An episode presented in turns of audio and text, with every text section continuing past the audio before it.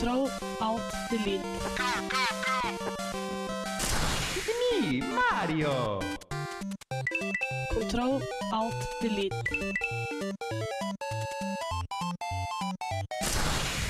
Unable to comply.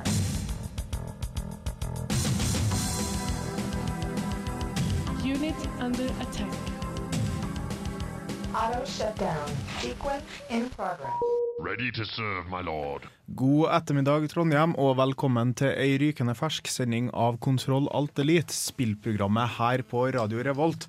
I dagens sending skal vi ha om spillduoer. Vi skal også gi deg et helt ny eh, album fra London Filharmonien i andre timen, til å høre på litt klassisk spillmusikk.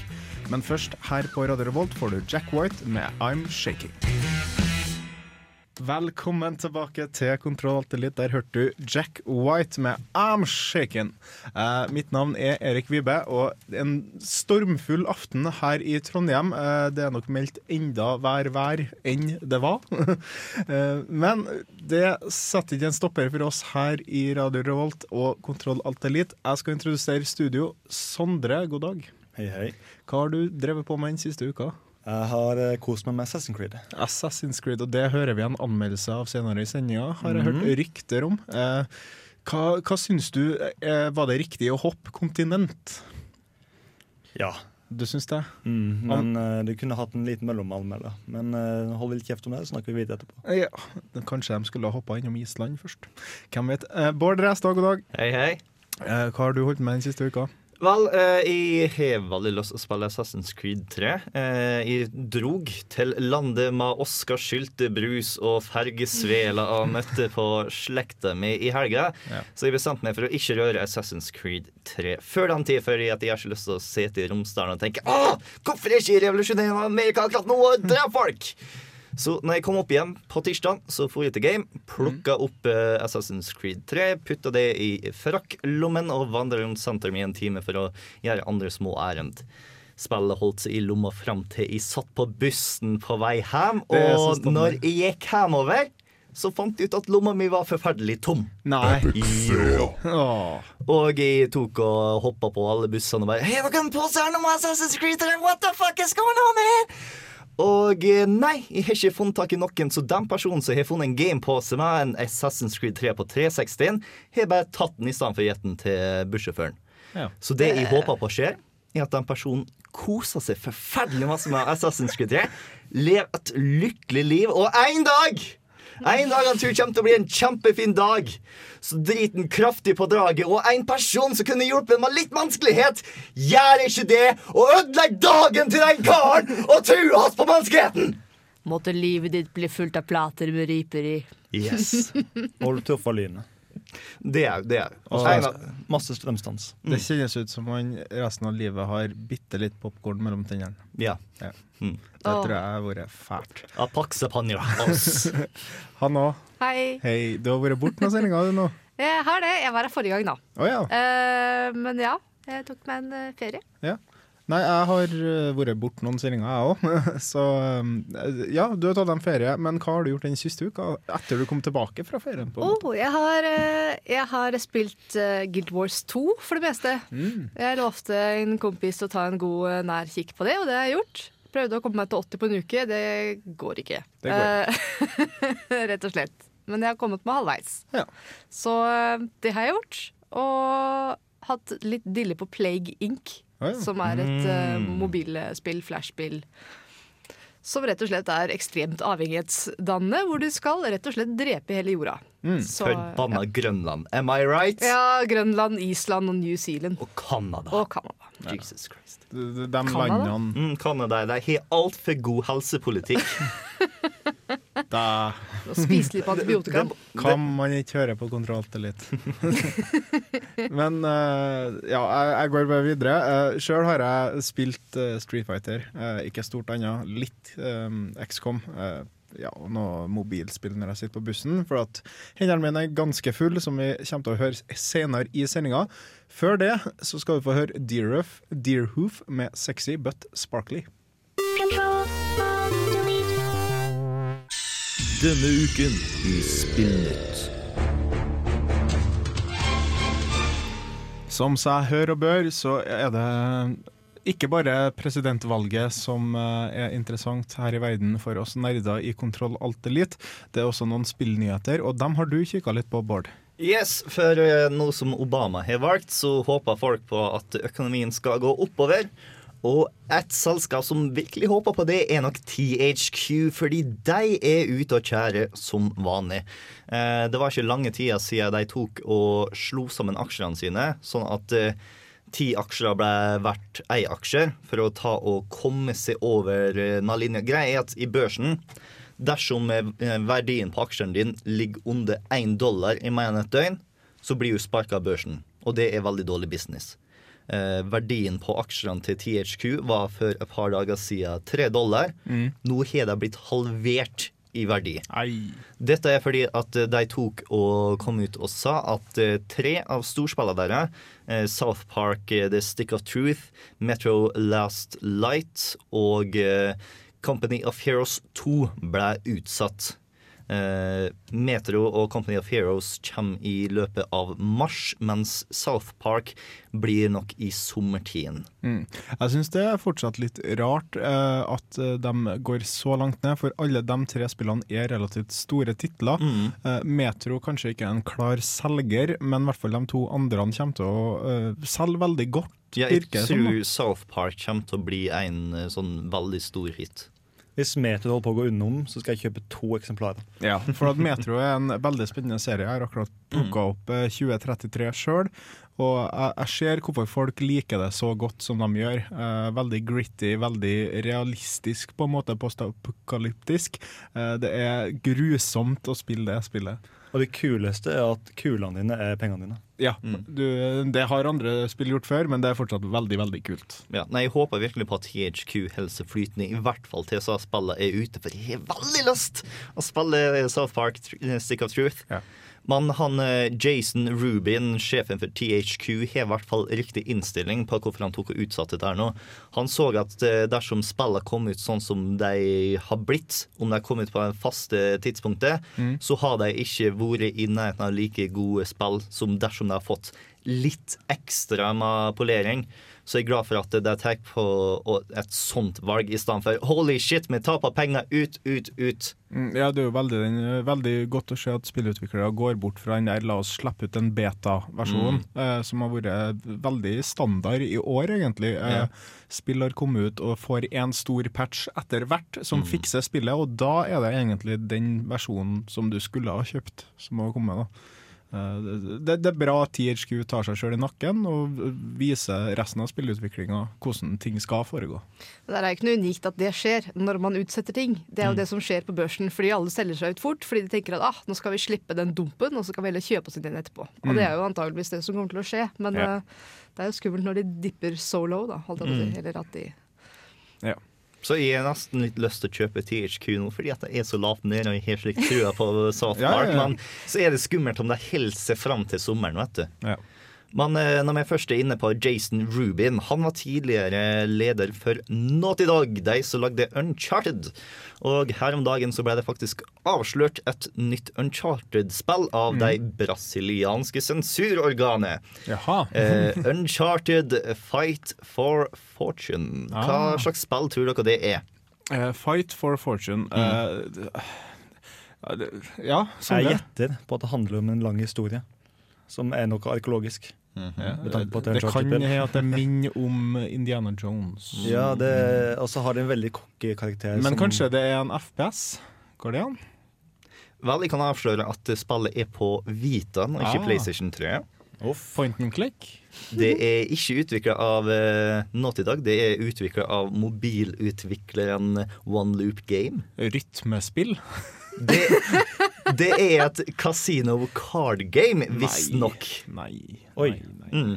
Ja. Det er Ja. Det, det havna litt i nåtidag Naughty Dog sin eh, tre eh, kule spill, og så Et dårlig et, ja. Nei, nei, og så et kart racing game. Ah, ja, sånn, Så i ja. stedet for uncha- uncarted, så får vi uncarded.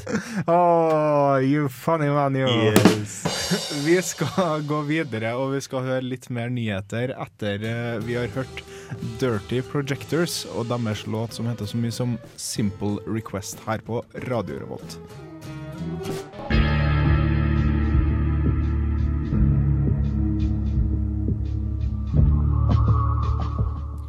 Du hører fortsatt på spillmagasinet Kontroll Alt Elite. Bård Ræstad, har du noen flere nyheter til oss?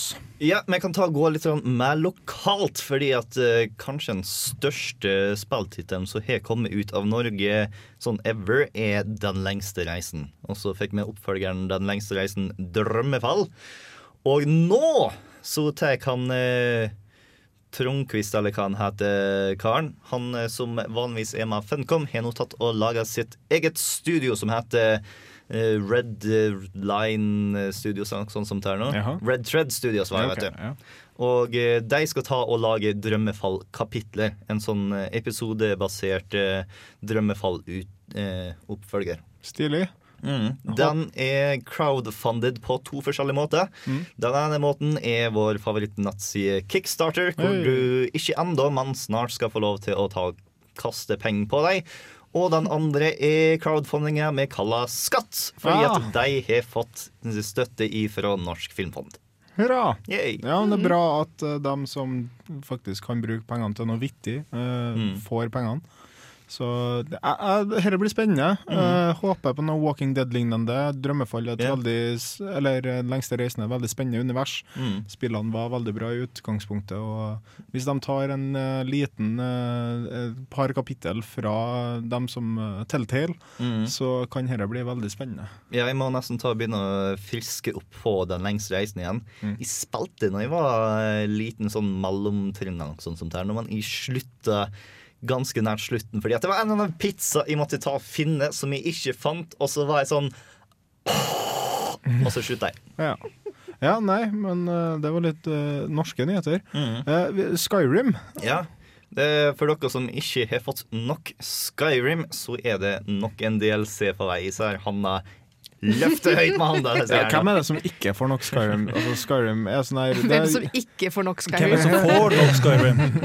Altså, Jens Erik, eh, sånn, plutselig bare så kommer du på Jeg skal ikke spille litt Skyrim, og så drar du tilbake i det universet, og så finner du ut at faen, det er jo en shitload med ting jeg ikke har gjort. Det jeg likte med Oblivion er samme liksom du tenker du skal tilbake igjen hele tida. Men så kommer du dit og sier du fuck it fordi du har gjort alt sammen. Mm. Men med Skyrim så er det som du sier, det er liksom her Ja, denne gangen her skal jeg gjøre det her. her. Du har jo Hvis du hadde kunnet få betalt for å prøve å finne alle mulighetene i Skyrim, så hadde du ganske greit hatt en jobb for livet. Og er du ferdig, så finner du sånn 10 000 mod på nett. Ja. Og det er det som er så herlig med sånn eh, Skyrim og Oblivion og sånne spill. Og nå enda mer DLC. Ja. For uh, Tærne er ikke bare ta og bygge ditt eget hus, sånn som uh, Hearthfire. Nei, nei, nei. Her så skal vi faktisk ri motherfucking dragons. Hey, Yes. Dragon! Uh, Historia til denne delscenen her nå er at eh, du skal ta og yppe det på den aller første Dragonborn ever, som er utrolig flink til å drepe drager. Så flink til å drepe drager at dragen er sånn Hei, du! Du som har drept så mange av oss! La oss teame opp sånn at du overlever fordi at du er dårligst til å drepe drager, I guess. Hold Kjeften og hopp på ryggen min. OK, ja, Yes. nei men, Made det, sense. men uh, bare det å fly gjennom det landskapet i Skyrim Mm. kan bli veldig herlig. Jeg håper PC-en min takler det. Ja, det tenkte jeg òg. I hvert fall hvis det skal skje på den oppløsninga som jeg har lyst til at det skal skje på. Jeg håper det her ikke tar og gjør slik at spill, nei, at universet føles mindre. Nei, uh, nei det kommer det ikke til å gjøre. Jeg tror ikke det. Jeg er litt skeptisk der. Mer mods, så Sondre. Mer mods. Så gigantisk som Skyrim er, så vil det nok Selv om du flyr, ta en god stund før du flyr over hele Skyrim. Vi satser på det, i hvert fall. Eh, for å avslutte nyhetsbiten vår, så vil, har jeg en liten konspirasjonsteori. For jeg var her ikke forrige uke, og da hørte jeg at det ble diskutert om det her Disney sitt kjøp av Star Wars. Yes. Uh, og dette syns jeg er veldig spennende, fordi at eh, Disney har også tidligere kjøpt Marvel. Eh, og nå plutselig så ser vi en trend, eller i hvert fall eh, Capcom sa nylig at i løpet av de neste ti årene så kommer Capcom til å ansette 1000 nye utviklere. Og det er ganske mange eh, for et eh, selskap som Capcom. Og hvem var det som laga de beste Disney-spillene før i tida? Var det av Capcom? Det var Capcom. Og hvordan spill eh, Marvel versus Capcom. Capcom, ja. Eh, kan det hende at vi får et Star Wars-spill utvikla av japanske Capcom? For det har vært veldig spennende å se et japansk blikk på Star Wars-universet, samt det at eh, kanskje i Marvel vs. Capcom 4 så kan du være Darth Vader som slåss mot Ryu, Ken, uh, Chun-Li og Hulken. Og det har vært veldig stilig, i hvert fall. Doctor Dr. Doom mot eh, Darth Vader. Yes, please. Boba Fett mot uh, hvem som helst, egentlig. Iron Man. Iron Man. Ja, Yes. der har vi en fin, uh, fin matchup. Mm. Halvparten Halvpa- fall, Halvparten av lytterne sitter nå enten og griner eller jubler. Jeg kan ta sette spikeren i kista her. Griner. Hva heter han tjukke snegla? Eh, Jabba the Hutt. Han har lyst til å spille. Chewbacca mot Megaman. Det kan ikke bli mer, bedre enn det. Vi avslutter der. Eh, vi må høre litt mer musikk. Um, vi skal fortsette etter uh, den låten her. Skal vi fortsette med en anmeldelse av Assassin's Creed 3. Uh, senere i sendinga får du også duo-favorittene til panelet som sitter her på Lukasbygget. Og vi skal spille masse deilig musikk fra London Filharmonien sitt videogame-album. Så du skal først høre Sunswitch med Concord.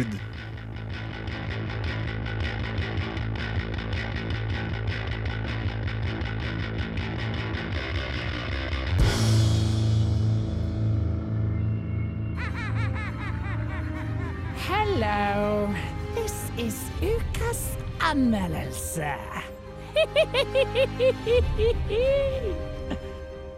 Da er det tid for ukas anmeldelse, og denne gangen er Sondre som kommer med ukas anmeldelse. Det er det femte spillet i rekka fra utvikleren Ubisoft, og dem som har fulgt med på spillverden i det siste, de er ganske sikkert oppdatert på hva dette er for noe.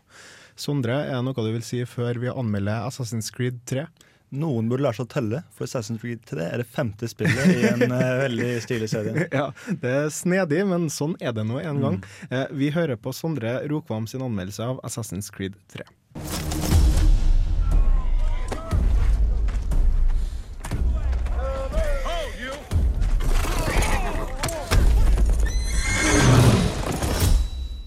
Tidligere i Assassin's Creed-serien har vi besøkt Altair og Ezio, og nå står Connor for tur i Assassin's Creed 3.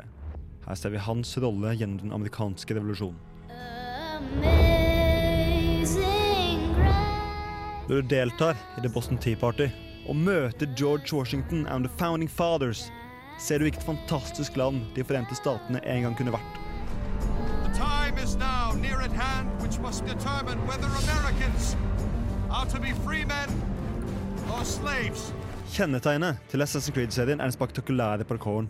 Og om du følte at Ezio var flink på det feltet her, vil Connor virke legendarisk. Sjelden det er følt så mye frihet som da Connor startet å springe, og med en utrolig grafikk og en nydelig natur, så er dette klart det beste Assassin's Creed-spillet så langt i serien. Men det er langt fra perfekt. This land can offer something else than pain. Mens hele spillet skriker, In the name of freedom. så er storyens enkeltoppdrag utrolig linære på en kriplende måte. Og selv om du gjør nøyaktig det utviklerne ber om, så føles ikke oppdragene sammenhengende. I det ene øyeblikket nedkjemper jeg 40 soldater, før en good for nothing-vakt tar meg ned i neste cutscene.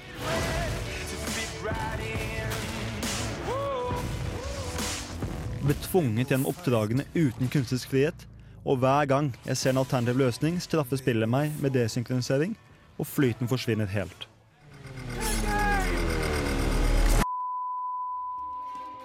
Ubisoft har løst Connorsen utallige animasjoner ved å ta kontrollen fra deg. Ofte føler jeg at jeg like gjerne kan stå 'trykk X for å vinne mission'. Kampsystemet lider av samme problem. Det er nydelig, men jeg føler ikke at jeg kontrollerer Connor nok. Assassin's Creed mangler også et fungerende stillsystem, en sammenhengende AI, og det er flere småfeil fra Assassin's Creed 2 som ble fikset til Brotherhood, som er tilbake igjen, og de har en field day. Dette og flere andre småting gjør slik at jeg, som the master assassin Connor, ikke føler meg som noen master assassin. Og litt off topic. Connor er en naiv drittsekk som burde ha utvikla seg gjennom hele storyen, ikke bare de ti siste minuttene.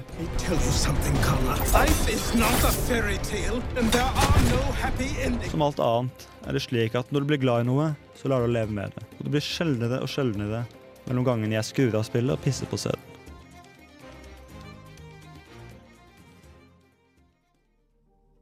Jeg har 3 er et minneverdig spill, og jeg blir bruke masse timer på det. Men det føles uferdig. Om du har tålmodighet, vent til Assassin's Creed 3 sine versjoner av Brotherhood kommer ut. Da vil du få den ferdig sydde opplevelsen, men om du er hakket mer rastløs, vil du ikke bli skuffa av dette spillet. Jeg blir sjøl å bruke dagevis og besøke alt jeg byr på, men til utvikleren Ubisoft sier jeg følgende. Jeg er ikke sint. Jeg er skuffet.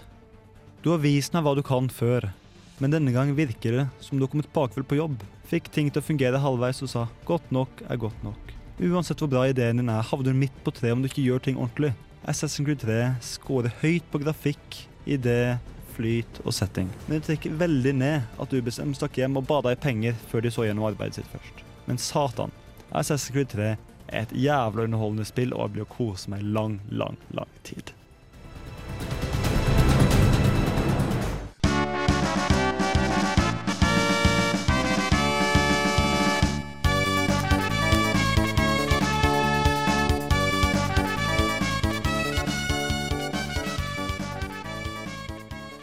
Der hørte vi eh, Sondre Rokvam sin anmeldelse av Assassin's Creed 3, og da venter vi spent alle sammen eh, på karakteren til dette ganske påventa spillet. Jeg er så utrolig splitta her. Det virker som at jeg hadde så utrolige forventninger til det her. Fordi Ubisoft har jo brukt halvparten av budsjettet sitt på å reklamere Mm. for Assassin's Creed 3. Ja. Og det er utrolig mye som er bra. Men jeg ble først I starten så lå jeg veldig langt nede. Fordi eh, alle de tingene her som jeg hadde forventa skulle være borte de tidligere spillene, de kom tilbake igjen. Men jeg tok jo og spilte gjennom Assassin's Creed 2. Og da tok jo glitchene etter hvert og forsvant, liksom, fordi Ja, ja. jeg ble vant til dem, eller jeg bare flirte når de kom. Så jeg endte opp ca. rundt 7,5-8, og skal jeg legge hammeren i bordet, så blir det 7,5. 7,5 av 10 der, Ja. altså. Ja, men det er en ryddig karakter. Det er på ingen måte en dårlig karakter. Eh, Jeg gleder meg sjøl til å spille det. Jeg tror jeg kommer til å plukke opp PC-versjonen, som kommer om en måned ca. Mm. Du spilte på PlayStation. PlayStation, ja. Og det finnes også selvfølgelig på Xbox. Ja. Uh, Det var det jeg skulle spille det det, på. det, hvis det er noen som fikk et Xbox-spill, så ja. Men eh, så, så hvis, det, uh, hvis du finner en Xbox-versjon av Assassin's Creed 3, vær vennligst send en mail til nerd.radiorevolt.no og si 'Hei, Bård, har du lyst på et spill?' så kanskje Bård har det. Men eh, flyten, du snakker mye om flytende spill. Hva, hva gjør denne flyten forskjellig i forhold til andre Assassin's Creed-spill? Uh, missionene, uh, Mm. story-missionene, story-oppdragene, de, uh, de likte jeg virkelig ikke. Det føltes av og til som jobb å ta og gjøre dem. Fordi Mm. du har et utrolig svært univers, og du har så mye frihet. Og du slåss for the land of the free. Mm. Og så kommer du inn, og så må du balansere på ei tynn tynn tråd 1000 meter over ha- bakken med bind på øynene, og du skal helst gjøre baklengs hvis du har lyst til å få optional mission godkjent. Ja, såpass, ja. Ja, og det, er, det føles bare tvunget, hele storygreia der. Ja. Det, det jeg merka, merka veldig med Brotherhood, det var det der du har et sånn her guild sjøl, ikke sant? Du har et sånn Assassin's Guild. Og eh, det jeg følte da, det var liksom eh, Det var ikke noe egentlig insentiv for meg å gjøre det, eh, Nei. sånn egentlig, men de tilbød meg muligheten til Her har du et sånn side mission-ish eh, management-system som du kan legge deg borti. Egentlig så du klarer fint å gå gjennom hele Assassin's Creed eh, Brotherhood uten å være borti noe av det småtteriet med de duene og eh, assassinene som du sender til Russland og whatnot. Men det er der. Er det sånn i det her spillet, med det der eh, homen som du har? Ja, det er Det jeg har lyst til å få frem først, at det, det er nesten fire historier. Mm. Først den øverste, som er Desmond-historien. Og eh, for fans så kan dere enten bli skuffa eller veldig overraska, eller bare ikke bry dere om det i det hele tatt. okay, ja. Under der igjen så har du da Connor sin historie, Mm. som er hvordan han går fra å være ung til gjennom livet og opplever det her. Så har du så klart den amerikanske revolusjonen. Mm. Og så har du da hjemmet ditt, da, hva som skjer rundt deg utenom den amerikanske revolusjonen. Så det Ja. er de fire historiene du har da. Jeg likte ikke fordi jeg følte jeg ble stressa av Desmond-historien. Fordi der sier de hele tida at han må gjøre seg så fort som mulig, ved tida teller ned og alt sammen sånn her. Så jeg brydde meg ikke så veldig mye om Homestead og alt det rundt Nei, nei. meg. Og det merker jeg da når jeg snakker med kompiser, at jeg tok og kanskje tapte litt på. OK.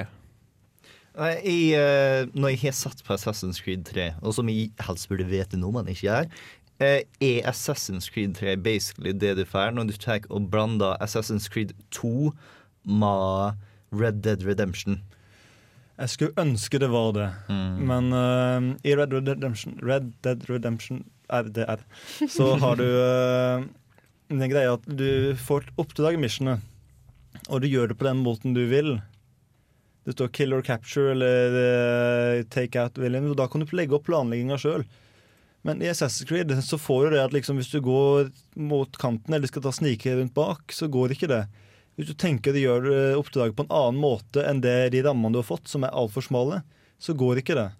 Og eh, jeg har jo sett den finfine traileren da, hvor eh, du springer inn i et tusen folk og tar, slakter deg oppover til du kommer til hovedkaren.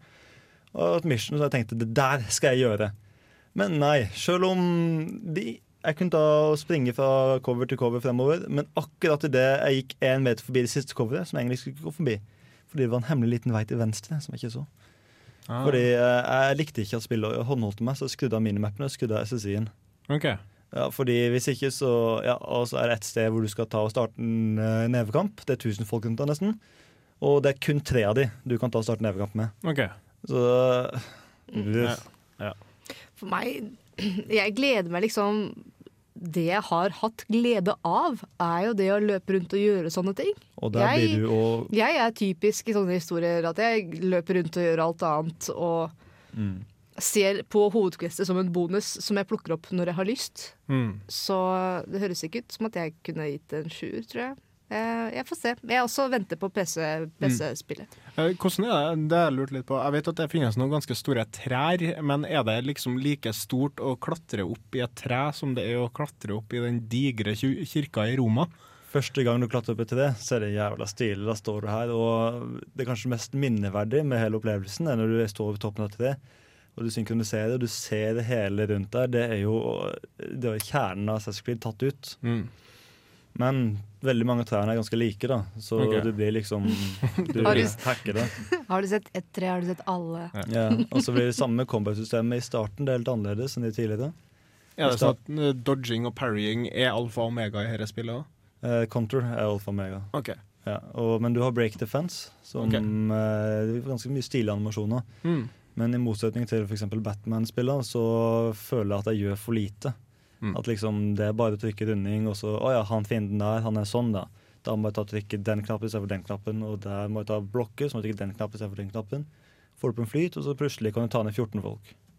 Jeg blir litt lei meg, jeg, fordi jeg har hatt det så morsomt med å gjøre ting i Assassin's Creed som på en måte ikke er del av noe sånn typisk du skal gjøre, men ser sånn ut allikevel. Du kan liksom klatre og styre og hoppe, og alt ser så ekstremt smooth ut at Mm.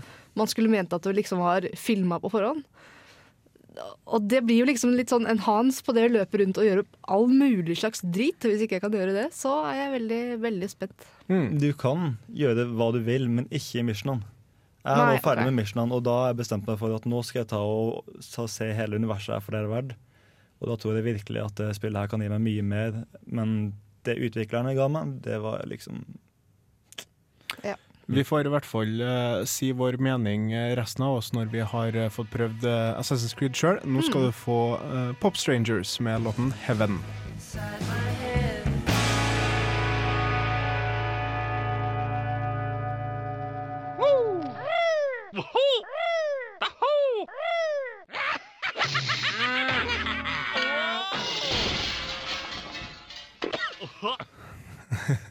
Der hørte vi da eh, den supre duoen eh, Banjo og Kazooie, eh, og dem er du veldig glad i, Hanna? Jeg er veldig glad i Fatim Kazooie. Ja, og det, det er jo det som er meninga med den andre timen vi har i dag, at vi skal snakke litt om våre favorittduoer i spill. Eh, grunnen til at vi skal snakke om det, er jo fordi at jeg fant ut at det var tematisk riktig, i og med at jeg plutselig ble pappa her forleden, eh, til en liten duo.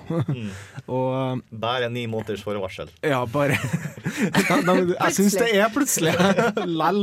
Eh, ja, så der, derfor syns vi at en temasending om eh, dynamiske duoer, eh, glitrende partnerskap og Mm. osv.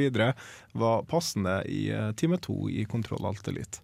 Eh, har du noe Kan du liksom si litt sånn på forhånd hva du har lyst til å snakke om, Bård? Vel, eh, når vi tok og bestemte oss for å lage denne sendinga så fant vi ut at jeg har gått glipp av veldig mange altså, duo-baserte spillere. Jeg har ikke spilt Jack and Dexter. Mm. Jeg har ikke spilt uh, Ratchet Clank. Jeg har spilt altfor lite Banjo Kazooie, og jeg har ikke spilt i nærheten av nok av Summon Max. Mm. Så uh, jeg skulle gjerne snakke om de duoene, men det kan jeg ikke. Men siden Metal Gear Solid står så forbanna høyt opp på lista mi, så må jeg selvfølgelig skravle litt om Snake og Otakon. Mm.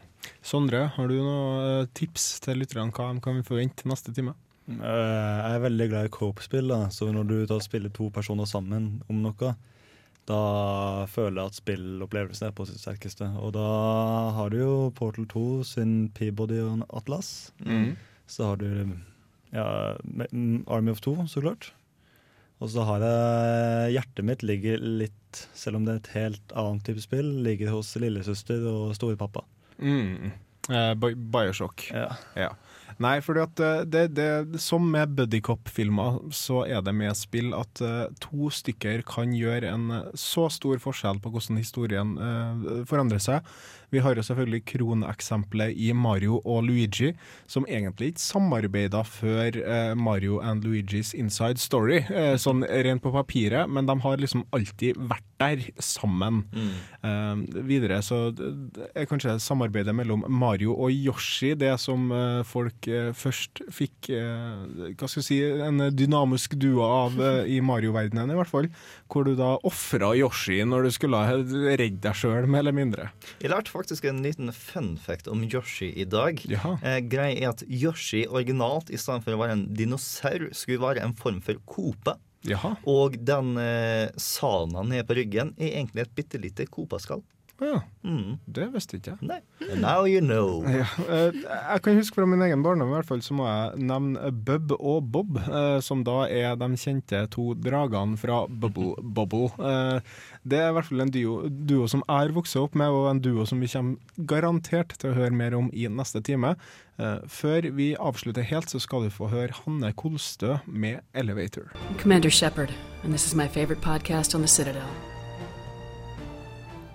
Nydelig. Hanne Kolstø med 'Elevator' fikk du der, her på Radio Revolt. Eh, programmet er fortsatt Kontroll til litt, og vi eh, har den siste tida av første time her. Eh, andre time skal vi som sagt eh, få høre London Philharmonic Orchestra og forskjellig spillmusikk som de har kommet ut med. Men først så tenkte vi å snakke litt om det spillet du spilte når du var på Vestlandet. Nei, Bård. ikke når jeg var på Vestlandet, men når jeg kom hjem. Og, Når du kom hjem, ja. Jeg har et tomrom å fylle. Ja. og, Et hjertet. Ja, og på grunn av halloween så har jeg blitt tipsa om en del skrekkspill. Mm. Og jeg fikk nys om et sånn gratisspill på PC som heter så masse som SCP-087. Høres binært ut. Ja, eh, det er Jeg kan kalle det en trappesimulator. Okay. Fordi at alt du gjør i det spillet, er å gå ned trapper. Mm. Men eh, det har en forferdelig kort draw distance. Det er sånn, Du kan ikke se mer enn sånn to meter framfor deg. Det er hele tida mørkna. Du hører skumle lyder bak deg, og du bare gjeng og gjeng og gjeng og forventer hele tida at noe skal komme. Man er kommer aldri noe. Det, det, det tok meg som ofte sånn 20 etasjer før et eller annet dukka opp på skjermen min i ett sekund. Og jeg ble skremt på grunn av at det ble bygd opp så masse på det. Og eh, jeg fant ut at det kanskje ikke var smartest å spille ta spillet når jeg har en litt for tynn vegg og en kar som prøvde å sove på den andre sida, og kanskje ikke har lyst til å høre mine mannlige mannebrøl når jeg ble skremt. Det var løvebrøl jeg Yes. forventa der, ja. Prøvde å passe inn en trappetrollspøk, men jeg fikk det ikke helt til. Jeg, må bare kjapt også nevne at jeg spilte Walking Dead, som du og Jens Erik har skrytt så utrolig mye av. Og um, jeg kommer meg nå til den fjerde episoden. Eh, jeg er nok øh, ikke like på den vogna som dere er. Mm. det er noen valg der som føles veldig eh, tvungen ut. Eh, du må ta et valg mellom to ting, og så vet du at det er en tredje mulighet. Mm. Og du vet også at eh, Faen, ja, men hvorfor kan vi ikke bare gjøre herre? Det, det, det virker så mye tvungent. Eh, og selvfølgelig så skal jo spillet tvinge deg til å ta vanskelige valg, men eh, et rasjonelt menneske ville nok tenkt på andre måter enn det de gjør i det spillet, da. Mm. Hvordan er ditt forhold med Clementine, du som har blitt pappa? Clementine er den lille datter, uh, Ja, lille jenta du tenker å beskytte ja. i eh, The Walking Dead. Uh, og på et eller annet tidspunkt Jeg måtte fortelle dette til uh, kjæresten min og da mora til mine barn, at jeg hadde lært Clementine et banneord i løpet av spillet. For på et tidspunkt så er du på en plass hvor det lukter skikkelig dårlig, Mm. og så spør eh, What does it smell like? It smells like Og så skal du avslutte setningen hennes, og da har du valget mellom manure, it smells really bad, du kan velge å ikke si noe, eller du kan si shit. og jeg som den trønderen jeg er, og litt løs i munnen, jeg sa jo selvfølgelig shit, da. og eh, så tok ikke mer enn en halvtime lengre ut i spillet, tror jeg, eller en time kanskje, så eh, lukter det rart igjen, da. Og eh, folk liksom spør, og så hører vi at lille Clementine sier at det lukter shit, og jeg føler meg som en elendig far allerede. Så, men utover det så tror jeg nok at Mitt forhold til Clementine er ganske bra. Mm. Uh, hun er klipt, og hun er stussa. Og, Jeg tror hun har det greit, egentlig. Jeg tror hun stoler på meg. Jeg Mm. håper det. Jeg håper det. Du føler et uh, farlig behov for å ta og beskytte henne? ja, ja, jeg Mm. gjør det. Uh, det, det. Jeg har liksom kommet fram til det nå ettersom jeg har mista flere og flere fra gruppa mi, Mm. at eh, ja, vet du, så lenge jeg klarer å redde Clementine og meg sjøl, så er jeg egentlig fornøyd. Og det spillet er anbefales på det sterkeste. Veldig fint. Veldig sånn der eh, Minner veldig om en sånn der eh, gammel Donald Pocket, hvor eh, hvis du tar dette valget, bla Mm. fram til side 158 og se konklusjonen, liksom. Eh, en sånn der make your own adventure-spill. Mm. Så anbefales. Walking Dead der, altså. Men neste uke, Sondre, du er programleder. Hva Ja. skal vi snakke om da? Da skal vi snakke om historieformidling i spill. Og Mhm. da spesielt på det om cutscenes egentlig er utdatert. Mm, det blir veldig spennende. Og så skal vi høre han Bård som anmelder Hotline Miami. Yes, det er et lite indiespill på Steam som er rimelig, rimelig groteskt. Ja, det blir spennende å høre. Uh, minner kanskje litt om gammel GTA. Ja. Ja. Uh, I hvert fall andre time kommer opp straks her etter Two Door Cinema Club med låten Seattle.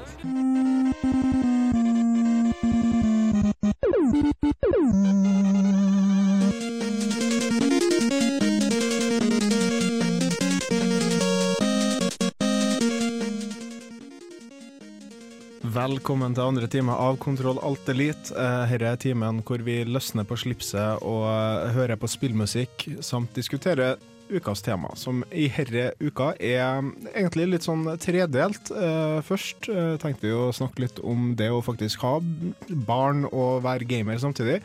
Eh, før vi glir glatt over i duoer, og da påfølgende London-filharmonien, for det er den vi spiller hovedsakelig i hele dag. Uh, fordi at det er et veldig bra album som uh, folk burde sjekke ut, rett og slett. Og det har nettopp kommet ut, så du har ikke hørt det ennå. du har sikkert hørt fjorårets fordi at det var awesome, men du har ikke hørt årets enda. Nei, og det ligger ute på Spotify. Mm. ligger også ute på iTunes. Koster mye. Det, det koster med 75 kroner. Ja, og det er vel verdt det for kvalitetsmusikk eh, av denne rangen, og da kan du skryte over at du er en eh, høykulturell gamer. Og det kommer jeg til å gjøre i morgen òg, da Ja. det er konsert her i Trondheim. Mm. Eh, Score spiller på eh, Olavshallen, så eh, dersom du hører ta i dag, altså på onsdag den et eller annet november, Mm. så kan du ta og plukke opp en billett til 220 kroner og ta og se, eh, høre veldig masse fine, komponerte spillåter. Det er vel score som er satt opp for Trondheim Symfoniorkester, er det vel? Det er eh, sikkert sånn som jeg har forstått det. Mm. Eh, Men uansett, eh, Trondheim Symfoniorkester er en av de beste symfoniorkestrene vi har i landet, og jeg gleder, jeg gleder meg så gæli. Mhm. Det blir så artig. Jeg kommer til å kose meg gjennom hele konserten i morgen. Når i morgen er det spillet? Det er klokka sju. Klokka sju, vet du. Mm. Da har vi det eh, naila. Mm. Og eh, hvis dere ser oss, så er det bare å vinke og hilse og hei Mm. og tjo og hei. Kjenner oss igjen på stemmen. Ja. Med de karene som skriker midt i uh, salen. Ja! sånn sitter vi. Nei da. Men uh, det var Spill den fiolin! Vi begynner å rope inn ønsker til symfoniorkesteret. Hey, kan dere den uh, Song of Storms? Og selv om dere kanskje ikke har lyst til å sitte ved siden av oss, så er dere velkomne. Og introtid! Yeah! Uansett, det blir flott. Eh, konsert der, altså. Klokka Mm. sju i morgen på uh, Olavskvartalet. Uh, men det var det med å bli pappa, ja. Uh, og det med å ha unger mens du skal også prøve å prokrastinere, som det heter Mm. så godt. Eh, som jeg nevnte tidligere, så har det gått veldig mye i turbaserte spill, og spill som tar veldig kort tid. Mm. Eh, du sa at Walking Dead kanskje ikke passa, og eh, fordi at det er litt sånn quicktime events. Ja, når du Eh, skal ta og svare på et spørsmål, så Mm. har du en kort tid å svare på. Så dersom eh, ungen gulper opp samtidig som 'skal jeg ta og skyte av zombien eller ikke', så kan det føre til problemer. Det, det har jeg ikke gjort det ennå. Det blir mer sånne moralske kvaler om at jeg sitter og ser på zombier som blir slakta mens jeg har en sånn fem uker gammel liten gutt liggende på fanget mitt, liksom. Eh, men utover det så har det egentlig gått greit. Eh, jeg, jeg tenker mer eh, jeg, jeg bruker å gjøre det sånn at når de sover, så kan jeg spille. Mm. Eh, for da sover de på meg, og jeg har føttene opp på pulten min, så da sitter de liksom på lårene mine, på en måte, hvis dere skjønner. Mm. Mot knærne mine med hodet deres. Ja. Og eh, gjerne da med en eh, PlayStation-spake som de holder i for meg. Så de, de, de, er, de har fått det inn med morsmelka, som det heter så fint. Og jeg, jeg trives med det, på en måte. Det, det er koselig, samtidig som jeg får gjøre det jeg trives med òg, da. Og jeg vet ikke har dere noen minner fra dere var unge når det gjelder spill? Sånn? Altså, selvfølgelig husker jeg ingen fra når de er fem uker gamle, men eh, sånn, bare sånn opp igjennom. For at jeg er veldig eh, Jeg tenker mye på dere Lager jeg nye meg? Mm. Lager jeg unger som kommer til å kanskje være litt avsosiale for at de er litt for glad i spill? Eh, Blir de innesittere? Sjøl spilte jeg fotball og sånne ting òg, men jeg ble jo veldig opptatt av spill, da, på en måte. Mm. Så jeg har noen tanker om det med å faktisk få til to nye unger som har en sunn interesse for en sunn hobby, samtidig Mm. som at de også kanskje er litt glad i spill. Ja.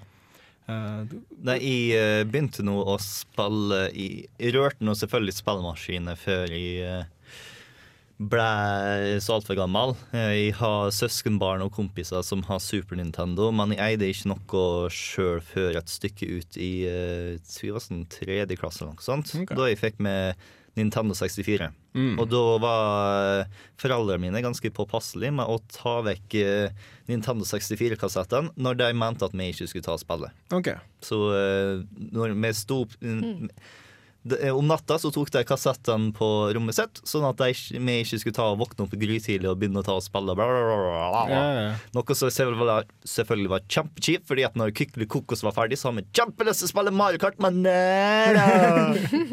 Ja, nei, jeg ser den. Du kunne gjort liksom vi. Vi Mm. utlærte ninjaskills for å snike seg inn og finne de spillene her.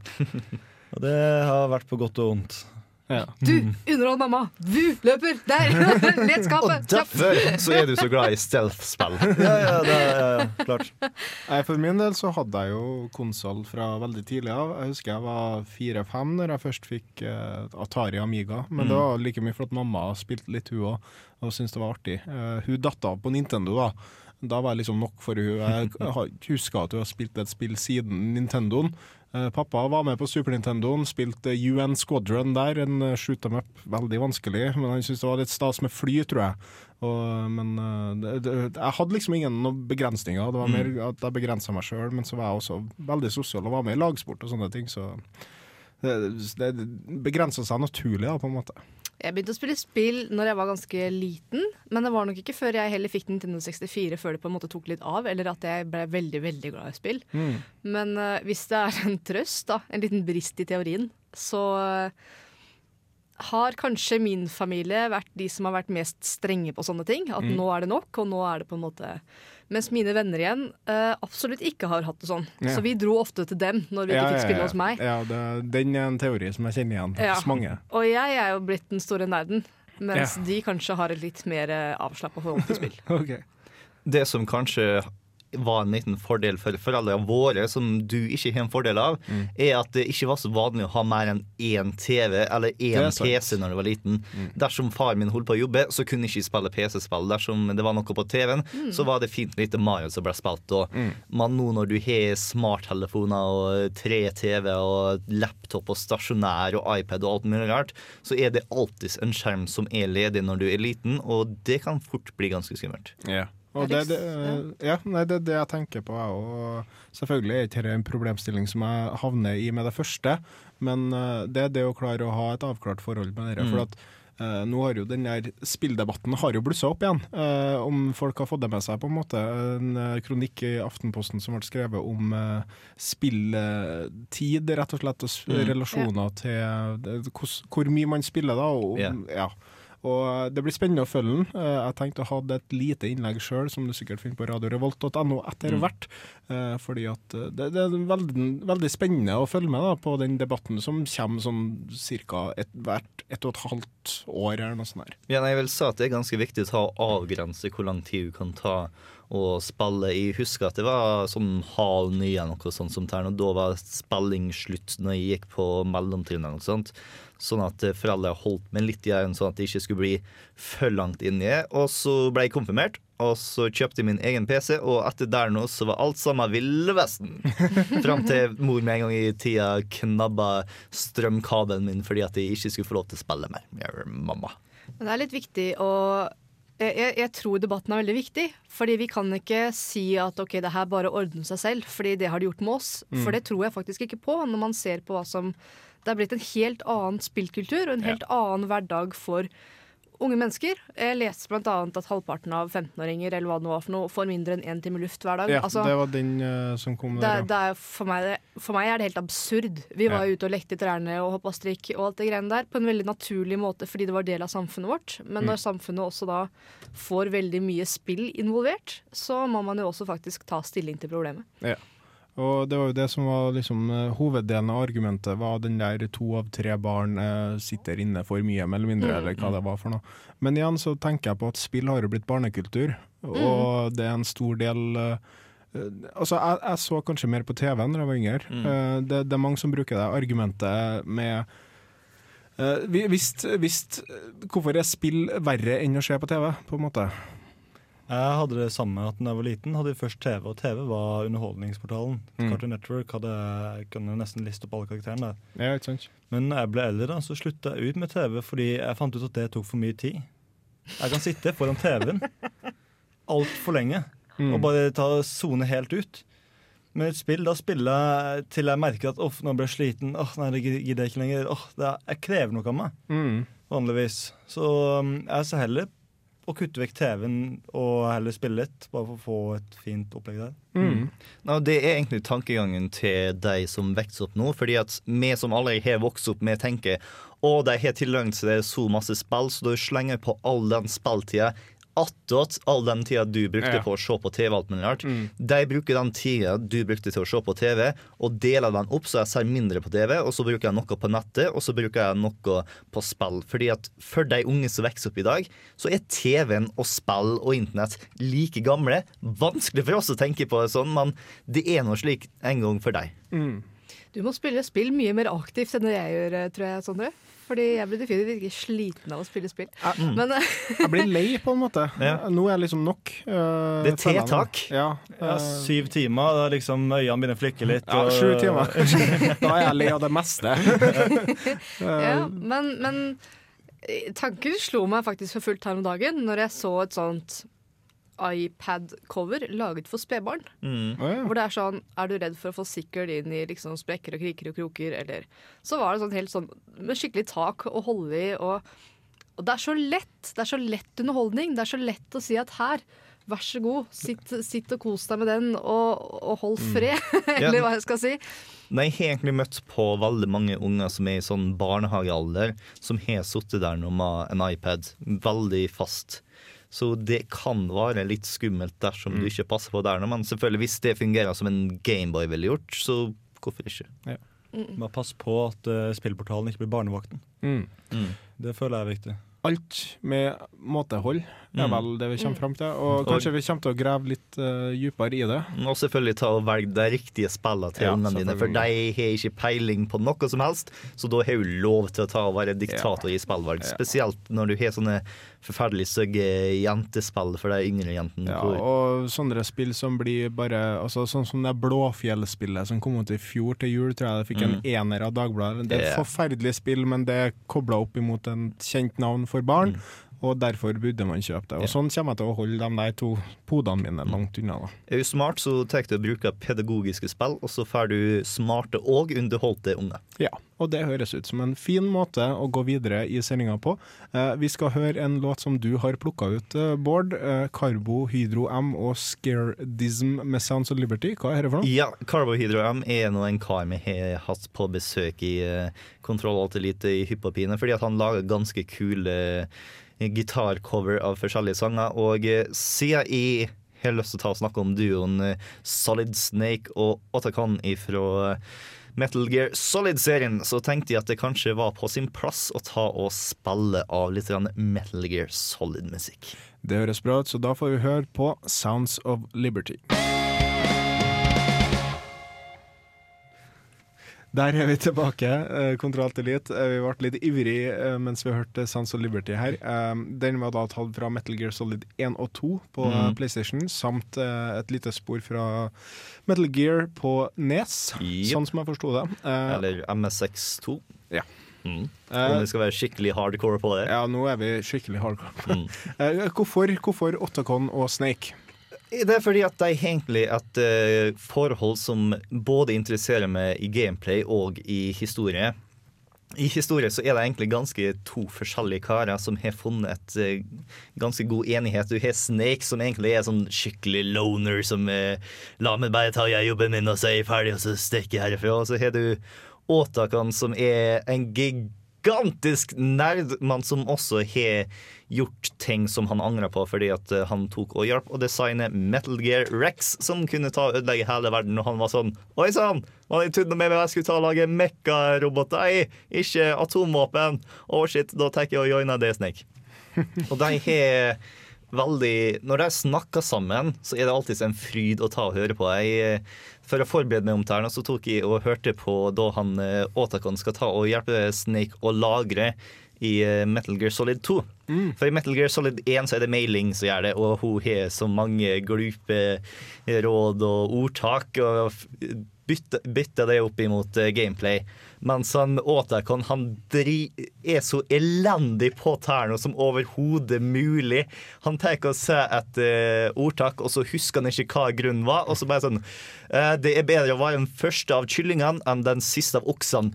Det er fordi at kyllinger er awesome, og okser og kyr hele tida blir kidnappa av aliens. Så derfor burde du være kylling. Så det, det er litt sånn George W. Bush forklarer ordtak. Ja, det er verdt å ta og sjekke ut. Men det som er interessant med på gameplay, er at uh, gameplay-wise så er du Snake. Du er den kompetente. Du, alt du gjør, er uhorvelig badass. Men du trenger hjelp fra Åtakan. Du trenger å bli styrt hit og dit, og du trenger å få ting hacka og dører åpna og sånn der nå. Og da er det fint å ha et eh, veldig hyggelig ansikt på det som du kan bli kompis med, til å eh, følge det gjennom spillet. Mm. Så han fungerer som en tutorial samtidig som han er en sånn der Ja, han, flavor-person til han er en drivkraft i gameplayet samtidig som han er en drivkraft i historien. mm. Uh, uh, alle, alle spill kommer jeg til å tenke på som har liksom gode dynamiske duoer. Det er Mm. mye, mye god samtale der. Ja. Mye yeah. god som Det det er som humor. regel det. Mye humor, ja. Mm. Mye ting som på en måte gir deg et ekstra aspekt, føler jeg. Ja, Det er liksom kjemien mellom Ja. de to personene som er så interessante. Ja, jeg ble litt sånn awkward satt ut når slutten av dette Metal Gear-spillet, hvor de kjører sammen vekk på snøscooter. Det syns Ja. jeg var litt sånn bromance-aktig. Ja, det er faktisk en god del homoerotiske undertoner i uh, Solid Snake Otacon sitt si Er det hele Metal Gear-serien egentlig Ja. litt sånn homoerotisk? La oss bare si at i Metal Gear Solid 4 så bor de to sammen i et fly hvor de har adoptert ei lita jente. Ja. I'm just leaving it there. Det, det høres ut som en sånn sitcom Ja. som ikke har blitt det laga. kjempekoselig. hadde du tenkt deg å være den lille jenta? Adoptert av Solid Snake og Ottacon. Uh, uh. Ja, jeg kunne tenke meg det. Du kunne tenkt deg å være den lille Svaret er nei, men det har ingenting med det erotiske undertonen gjøre. Men, ja. men i hvert fall, uh, Metal Gear har vært en av de store syndene mine. Jeg har ikke fått eh, prøvd det så mye som Mm. jeg skulle ennå. Uh, Nå har det jo kommet en uh, oppdatert versjon, eh, sånn som jeg forstår det. Yes, HD-versjonen er ute overalt. så- Ja, og det er verdt å plukke med seg. Ja. det- ja selvfølgelig. Eh, vi, det var Bård sitt tilskudd til den her herlige duolista som vi holder på å fylle ut. Eh, som lovt så skal vi høre litt fra London-filharmonien. Eh, her får du eh, en av Bård sine favorittspill gjennom tidene. I hvert fall Mm, her på hvert fall året her nå. Ja. Eh, det er faktisk Fez med låten 'Adventure' vi hører her.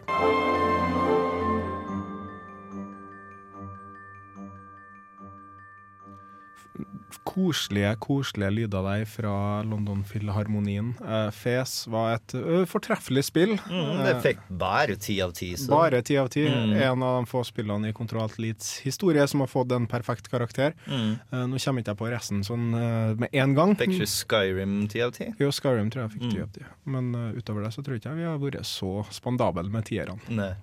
Nei. Eh, Hanna, du har en duo som ble presentert litt tidligere i programmet òg, som du er veldig glad i. Ja, jeg har flere duoer. Ja. Eh, Banjo Kazooie selvfølgelig. Det er en stor del av min barndom. Og så har jeg i senere tid Jeg tenkte å dra det inn rett og slett fordi det er litt sånn annen type spill. Nunu, League Mhm. of Legends, Ja. som faktisk er uh, to stykker. Ja, de er to stykker. Selv om jeg ikke så det før veldig nylig, at det faktisk sitter en liten uh, Mm. gutt oppå ryggen til en diger yeti, og jeg trodde det var yetien som het Nunu. Det er det ikke. Det er lille gutten som heter Nunu, og yetien heter Willump, har jeg Willump. funnet ut. Ja. Eh, Og det så ja. ene angrepet til, til Nunu er jo at han eh, Jeg sier nå Nunu, for det er faktisk han som gjør det angrepet Det er det. akkurat. Eh, han kaster en snøball. Ja. Og det er kanskje det mest signaturangrepet til Nunu, det der snøballen. Og den er faktisk han på ryggen som kaster. Ja, nemlig. Og det er litt rart. uh, ja, jeg også tenkte at det var yetien, Ja, eller ja. et eller annet. Men det er jo sånn eh, typisk eh, duo som kanskje ikke er så givende sånn historiemessig, eller noe Mm. sånt, men allikevel litt festlig. Ja, ja. Litt festlig på Og så har vi Ice Climbers, Mm. som jeg er glad i. Eh, jeg har ikke spilt spillene til Ice Climbers. Jeg har spilt Ice Climbers i Super eh, Smash uh, Bros. Ja. Så eh, Hvor jeg har satt veldig pris på dem. Mm. Så det er Klarer du veldig- å være flink med Ice Climbers? Ja. Jeg syns det er så utfordrende å være flink med De deg. er jo knallmorsomme, og så kan du hoppe så høyt. Ja, ja, men dersom du hopper opp en veldig stor høyde, så mister du hun rosa, og da, Ja, da er ja. du handikappa. Ja, da er du handikappa. Mm. Og er det rosa som overlever, så dør de jo. Så yeah. det er litt sånn feil. Men det er Ja. en veldig søt duo, og en Ja. veldig morsom duo. Mm. Så, så ja. Mm. Banjo Kazooie er nok min favoritt. Ja. Fordi eh, de er jo bare Altså, der har du dialogen, du har morsomt eh, teamwork hele tiden. Altså kontrollen dine er jo faktisk for begge to. De gjør ulike ting mm. som hjelper deg underveis. Eh, Men, men uh, korrekt meg hvis jeg tar feil, men i Banjo Tui, som var toeren, Ja. der er ikke Kazooie med? Eh, jo Han er det? Er det et trespill, eller er det bare jeg som Jeg roter håper her? ikke For- du Det er tre tenker på spill, du Nuts and Bolts. Ja, Nuts and Bolts er kanskje, Ja, ja. der er ikke Kazooima til. Det har jeg ikke rørt med mine Nei. fingre. Nei. uh, rett og slett fordi de ikke er Banu Kazooie. Ja. Men, uh, Mm. men ja. Eh, Og eh, jeg tenker sånn Nintendo 64 den hadde noen duoer, det- også da selvfølgelig eh, Link og Navi. Mm. Er kanskje den mest kjente Mm. akkurat fra Jeg, jeg, jeg syns at Link og Navi er liksom duoen til Link. Kanskje Pona, eh, kanskje Shake, men helst Navi er liksom den duoen, syns jeg. Nå, jeg likte Navi mer enn det internettet likte Navi. Men jeg vil si at Tattle har egentlig en litt bedre forhold med Link, fordi at der så har du litt eh, back and forward Eller veldig masse forward og ikke så masse backside. Link ikke snakker. ikke snakker en skit. Men du har litt mer forhold med Tattle, som var en ekstremt bossy feen i Majoras Mask som bestemte seg for at du skal ta og hjelpe med å redde broren min. Ja. det er sant. Ja. Nei, men eh, det var i hvert fall enda en duo eh, fra oss i Kontroll til litt Eh, vi skal fortsette med London Filharmonien. Eh, her får du en av mine favorittspill, i hvert fall på PlayStation 3. Du får uh, Hva står det her, da? Orb of Dreamers, The Cosmic Imagisphere fra spillet Little Big Planet, her på Kontroll Alt Elite.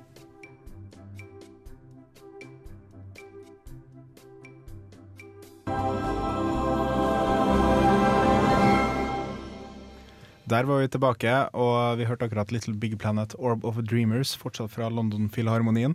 Eh, vi skal fortsette litt med dine favoritter, Sondre. Eh, vi, vi hørte dem litt tidligere, og det var ett par vi mangla. Eh, jeg vet ikke om det var med vilje, eller om du bare glemte dem, men det var Master Chief og Cortana. Er det en personlig favoritt, eller er det Um, jeg har liksom delt mine duoer inn i kategorier, da. OK? Fordi uh, når jeg tenker på de, så er det det som tar det å få meg til å tenke på det. Mm. Og selv om Cortona da er en datamaskinaktig ting, og Master Chief er en cyborg, så følte jeg faktisk litt romantisk connection der. Så Mm. jeg har kalt dem sci-fi-paret. Mm. Og eh, helt ærlig, det er ikke alltid jeg føler at hun gjør jobben sin. Nei. Men eh, det var jo et av de Det var første spillet jeg hadde på Xboxen. Så hjertet mitt ligger litt der, da. Mm. Et annet par som er litt sånn sci-fi-par som jeg kom på når du sa noe, er Joker og Edie fra eh, Mass Effect. Eh, et litt festlig par når de snakker sammen, særlig i toeren. da. Jeg har ikke spilt treeren ennå. Oh. Men eh, jeg jeg har hørt at de fortsetter det Yes. banteret de hadde i toeren der. It's so delicious! Det, det er i hvert fall ett punkt som alle sammen i Mass Effect 3 vet om, hvor du bare måtte opp på broa fordi at ED har gjort et eller annet crazy, og du ville bare vite hva Joker har til å svare på det, fordi at åh! Det paret er så fantastisk når de er sammen. Mm. Eh, Men uh, du nevnte også uh, Elliot Salem og Tyson Ryas fra Army of Two. Og Army of Two er jo et uh, typisk mannespill, vil jeg si. Det finnes nesten ikke et mer mannemacho Guns and Glory-spill. av det jeg har spilt av det, i hvert fall. Og disse toene kalte du fratboyene. De er så amerikanske at du kan faen meg ta og legge dem på flagget. ja, det er sånn America! ja, det er det. Og, men det, dette er et veldig bra coop-spill. Eh, Jeg spilte bare demoen sammen med en kompis, og vi kosa oss som bare det. Bare med demoen. Mm. Uh, for at jeg tror ikke det er et spill jeg har lyst til å kjøpe før det i hvert fall blir veldig billig. Uh, men hva, hva gjør de her to til å gjøre dem til en veldig sånn her typisk duo? da? De har jo Det er to helt forskjellige karakterer. Det er han Elliot Salem og Tyson Ryas. Tyson. Ja. Han er jo da gammel veteran. da Arr i ansiktet, skikkelig svær, kraftig kar. Og har liksom har tankene at verden er litt sånn på skakke. Og så har han Elliot som ikke har noe større tanker utenom å få penger og drikke seg dritings. Ja. Og, eh, jeg tok vanligvis og velte han Elliot, fordi det var der jeg tok og hang mest sammen med. Og så tok kompisen min og valgte da Tyson. Tyson. Mm. Og da har du da de her eh, Du sitter jo vanligvis ved siden av hverandre når du spiller spillet her, men du har de fine interaksjonene mot, kan mot hverandre. Og de glemmer du egentlig helt av. Ja, for at du kan high five og litt sånn der. du kan high five, five, du kan dunke ned i sida, så kan du late som du spiller egertall sammen og alt det her. Og, men glemte, vi glemte helt av de. Vi ble introdusert til dem, og så glemte vi helt av dem. Okay. Og så hadde han nettopp skikkelig fucka opp. Og vi hadde nettopp klart, klart å komme ut av det. liksom, det var sånn Kom jeg på det, så jeg går bort til han, og så dunker han i bakhuet. Og det er så epic moment. Ja, ja, ja. Det, det gjør noe med gameplayet, i hvert fall når du ikke gjør det hele tida. Den ene gangen liksom bare slår han i bakhuet. Og du ser bare med en gang han da snur seg mot meg, og så kommer hans animasjon. Da slår han meg i balla. og det var rett før jeg liksom kasta fram et stykke og kasta meg på han. Fordi det Herregud, du fucka nettopp opp, nå ga jeg sjans. Ja, men jeg fucka ikke såpass mye opp. Jo! Ja, men det er jo det en sånn dynamisk duo skal være. Uansett om noen er sånn bro-force-type, Army of Two, eller om de da faktisk er litt mer humor, som mm. Banjo Kazooie, eller litt mer seriøs, som kanskje andre. Og Ja. Oktakon er ja, kanskje ikke seriøst, men ikke så ekstremt seriøst, nei. Men vi kommer i hvert fall tilbake til kanskje de litt mer seriøse òg. først så skal vi høre um, en veldig kjent kjenningsmelodi fra uh, selveste Diablo 3. Dette er Overture, fortsatt av London Filharmonien.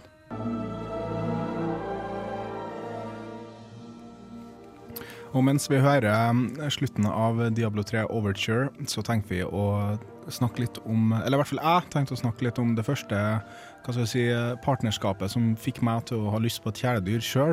Særlig da Megaman og Rush. Rush er den robotiske android-hunden som Dr. Light laga for å hjelpe eh, Megaman. Og han ble eh, da mitt store ønske om å få min egen hund, fordi at han kunne jo bli gjort om til alt mulig. Eh, Først bare en spring, og altså en, hva heter det, fjær. En, en ting som fikk deg til å hoppe litt høyere, og en, eh, en surfebrett som du kunne fly gjennom brettene på. Og eh, senere i Megaman-serien så kunne du eh, ta på deg hunden din eh, og gjøre den om til en jetpack. Eh, spennende. Jeg tror du har blitt kraftig skuffa dersom du noensinne fikk til en hund. For, jeg, jeg, jeg har liksom tefta den i ettertid, da. Men her er et partnerskap hvor ingen uh, sier noe, egentlig. Rush er der bare alltid. I senere spill hvor Megaman har vært med, særlig da i crossover-spill, så er Rush der og har en eller annen rolle på eh, Trenger å være veldig liten.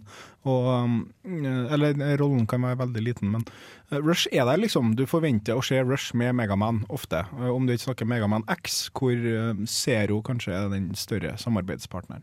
Men også et par som kanskje ikke snakker sammen, er Peabody og Atlas. Og dem er du veldig glad i, Sondre. Ja, det er jeg også veldig glad i. Men eh, de er ikke slik at du, han andre er der alltid for deg, for de er de to karakterer. Mm. Det er mer slik at du forventer at han skal være der, og så er han ikke der. Ja. Fordi dere snakker jo ikke sammen, dere sitter kanskje ved siden av hverandre, men dere tar jo det for gitt at det du gjør, skal den andre personen skjønne med en gang. Mm.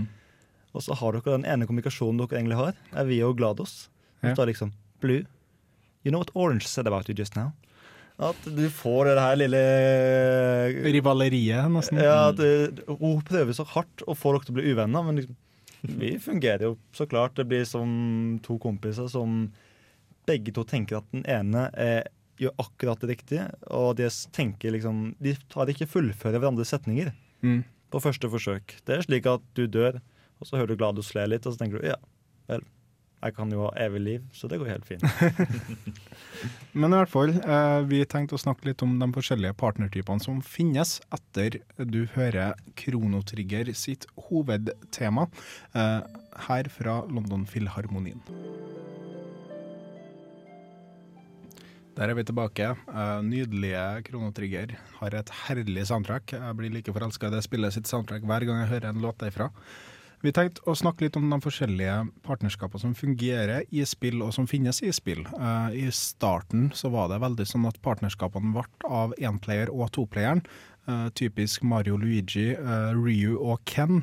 Fordi at andreplayeren ble på en måte bare en palettswap av enpleieren, énplayeren, men etter hvert så har de utvikla seg som ordentlige karakterer. Uh, Luigi, Luigi er kanskje ikke min favorittkarakter fra uh, Mario-universet, for at jeg syns han bare er en litt feig, lang Sutrete. Ja. Attpåklatt. Ja, han er en attpåklatt, og jeg må nevne en artikkel som eh, tidligere Kontroll Alt Elite-medlem Khalid Assam skrev for Filmpolitiet, hvor han hadde sine topp fem eh, spillduoer. Eh, nummer én var Vario og Valuigi. Og Val, altså, Khalid Assam som liker backstabbery og rett og slett kukete oppførsel, og jeg tror det var derfor han valgte de toene der. Uh, men jeg syns at Valuigi og Luigi generelt er to stykker som bare ikke fungerer helt. Det, Minner på å ikke ta meg med Khalid på Munchkin. ja, han kan være ond der. Men i hvert fall forhold som kan fungere, da, og som fungerte veldig tidlig. Eh, Nintendo-klassikere sånn som Double Dragon hadde vi Billy og Jimmy Lee, brødre, og da var énplayer og toplayeren. Det fungerte i en god stund, men ja. så kom siste bossen, og så Siste bossen var toplayeren. Ja. Du måtte slåss mot han du hadde gått gjennom spillet sammen med, Mm. eh, for å vinne damer og heder og ære. Og eh, det, det sier litt om det partnerskapet. Sånn er det jo i Splinter Cell Conviction også. Oh, ja. Helt til slutten skal dere slåss mot hverandre på co-playeren. Oh, ja. Og da tok jeg la fram en stikke, så skal jeg se om han tok og skøyt meg. Eh, samme, eh, kanskje litt eh, hva skal vi si, evolusjonert eh, Billy og Jimmy er Guy og Cody fra Final Fight og Street Fighter-serien. Eh, veldig også sånn kompiser som mer eller mindre er én- og to-player. Og til slutt så kommer jo også Hagger, Mike Hagger, the mayor of Metro City, som tredjevalget da, i det spillet. Men uh, vi snakka litt om uh, forskjellige typer uh, partnerskap, Bård. Ja, for du, De partnerskapene du har snakka om nå, er veldig symmetriske. ja, buddyer. Så her nå er, Dersom dere har bytta stikke, så har jeg egentlig bare blitt irritert fordi at du har lyst til å være den personen, Mm. ikke fordi at du har lyst til å styre annerledes. Mm. Vi har sett en god del asymmetriske partnerskap. Ikke alltid er det sånne asymmetriske partnerskap hvor du styrer den andre personen.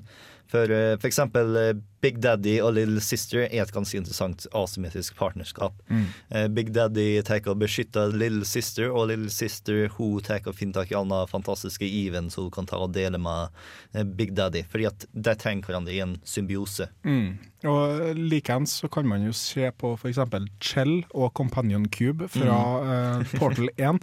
Eh, det er et eh, Altså, Du bygger kanskje ikke det partnerskapet opp så mye som Glados gjør, Mm. men fortsatt så blir det et partnerskap mellom deg og en kube. Eh, veldig interessant, og jeg ble lei meg når jeg måtte brenne den eh, companion-kuben på slutten av spillet. Unnskyld, spoilers. Men eh, det er også et sånn typisk asymmetrisk partnerskap. Eh, når det kommer til sånn her, så er jeg fan av Fallout. Og Mm. da hadde jeg alltid bikkja til å gå ved siden av meg. Ja. Mm. Bare fordi når jeg gikk gjennom der, da Jeg gikk, jeg løp ikke. Så følte jeg alt var koselig å ha noen ved siden av meg. Ja, og det der typiske man hennes dog er jo veldig sånn her eh, noe man har lyst til å tenke at man er hvis man er i en postapokalypse, på en måte. Mm. Et asymmetrisk partnerskap som jeg kommer til å se i gameplay, så jeg gleder meg til å prøve, er det nye Star Trek-spillet som kommer rundt om da Star Trek 2 kommer ut. Aha. Fordi at da skal ene, eh, ene spilleren ta og spille Kirk, og den andre skal spille Spock. Okay. Og de oppfører seg på ganske forskjellige måter. Kirk er actionhelten som tar og kaster seg utfor stup og banker livskytelse av en hæl med folk, mens Spock er den stille, tenkende karen. Så dere må ta og samarbeide, men det er ikke sånn at eh, dere kan bare si du gjør ta mens jeg gjør ta nå, og bytte på det dersom en av dere sier noe annet. Dere har nødt til å gjøre forskjellige ting sammen, og det syns jeg er ganske interessant i et partnerskap. Jeg vil dytte inn uh, multiplayer online-spill også, fordi det her er jo faktisk det de triumferer på. Mm. Uh, type World of Warcraft, eksempel, hvor Mm. du har et bredt uh, utvalg karakterer, eller enda mer League of Legends, hvor du på en måte skal samarbeide, og League of Legends har jo nå gått over 60 forskjellige typer roller du kan spille, og det er jo helt fantastisk at man kan balansere det på den måten, men det er jo også en ekstremt stor utfordring. Mm. Heavy og Medic fra Team Fortress 2. Men så kommer jeg til at med mindre jeg kjenner personen, så liker jeg ikke å spille på nettet. For jeg har lyst til å slå ned skulderen når han tar så Mm. backstab meg. Men uh, også uh, Pokémon-treneren og den første Pokémonen er jo et Mm. partnerskap som uh, blir veldig nært på mange måter. Jeg husker første gangen jeg spilte Pokémon, og jeg valgte Squirtle som min start-Pokémon. Og han gikk jo aldri ut av laget mitt, Nei. eh, fordi at han er jo den første Pokémonen din, Mm. og derfor skal han være der. Og det blir et sånt Det sies ikke noe ord imellom, men det blir et sånn her A man and dog, det òg, på en Mm. måte. Um, Videre kan vi også nevne eh, Monkey og Tripeticata fra eh, Enslaved Odyssey to the West, mm. Mhm. hvor eh, det er veldig sånn at du er Monkey, men du må også ha tripe- Tripeticata både som hjelp og som Mm. beskytter. Ja. Eh, Eller som, eh, og du må beskytte. Eh, hun klarer ikke å slåss, men hun klarer å distrahere monster, Mm. f.eks. Dere som har lyst til å se et godt partnerskap i en, et spill, historiemessig, plukk definitivt opp en slave. Det er dritbillig, og det er dritbra. Ja, og det er en historie som aldri blir eh, datert, rett og slett. Mm. Prince of Persia 4 hadde også ganske fint partnerskap der, men jeg likte ikke spillet for- totalt sett. Nei. Eh, nå skal vi høre på den mindre vellykka uh, Mario-broren. Mario-broren, ja. Stakkars, stakkars Luigi, som alltid måtte være nummer to, men til slutt så fikk han sitt eget spill. Uh, Dette er en eh, main theme fra Luigi's Mansion. Mario! Mario! Mario! Der hørte vi da Luigi's Mansion main theme. Eh, passende, passende. Eh, endelig fikk Luigi sitt helt eget spill. Mm. Eh, det, var, Det er ikke så lang tid før han får sitt andre spill. Eller i hvert fall en oppfølger. Mm. Ja, eh, fordi at Luigi's Mansion 2 kommer etter hvert. Uh, mest sannsynlig i løpet av begynnelsen av neste år, sånn som jeg har forstått det. Det har blitt utsatt litt. De snakker om å utsette det i hvert fall. Mm. Om ikke desember, så første kvartal. Ja. Eh, vi begynner å bli ferdig her i Kontroll Alt Elite. Vi håper at du har hatt ei duodynamisk sending. eh, og hvis dette fikk deg til å spille eh, noe ko, lyst til å spille noe Coop-spill, så har du i hvert fall en haug med forslag til det. Neste sending så er det Sondre som er programleder for første gang. Mm Eh, Jeg og Bård gir skuta videre til de nye og lar dem prøve seg på ukjent farvann framover. Mm. Og det blir veldig spennende å høre hvordan det går. Hører du hva dette er? Det gjør godt i sjela. Det gjør veldig godt i sjela. Og i morgen så skal vi altså på Olavskartalet og Mhm. høre eh, Trondheim Symfoniorkester. Og vi håper at dette kanskje fikk deg lyst til å høre eh, den konserten sammen med oss. I hvert fall klokka sju i morgen, 220 kroner for billettene. Du, tror kanskje det er litt billigere for studenter? Eller er Nei, det er ikke det. Det er fokusert på studenter, så nei. Men det er verdt det. Det er verdt det. Det var alt fra Kontroll til Elite. Ha en fortsatt fortreffelig aften. Ha det bra. Hei, hei. Hei da.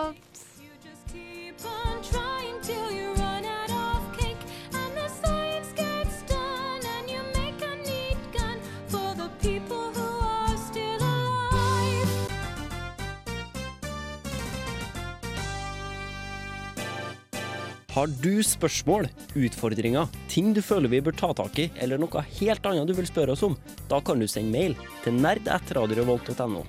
Ønsker du heller å tweete oss, kan du finne oss på Twitter, hvor vi heter rr-spill. Du finner oss også så klart på Facebook. Radio Revolt presenterer Kontroll Alt Elite. Der legger vi ut nyhetsoppdateringer, konkurranser og så klart masse enkel nerdehumor. Det var altså e-mail nerd.radiorevolt.no, Twitter rr-spill og Facebook Radio Revolt presenterer Kontroll Alt Elite. Vi høres neste onsdag. Høres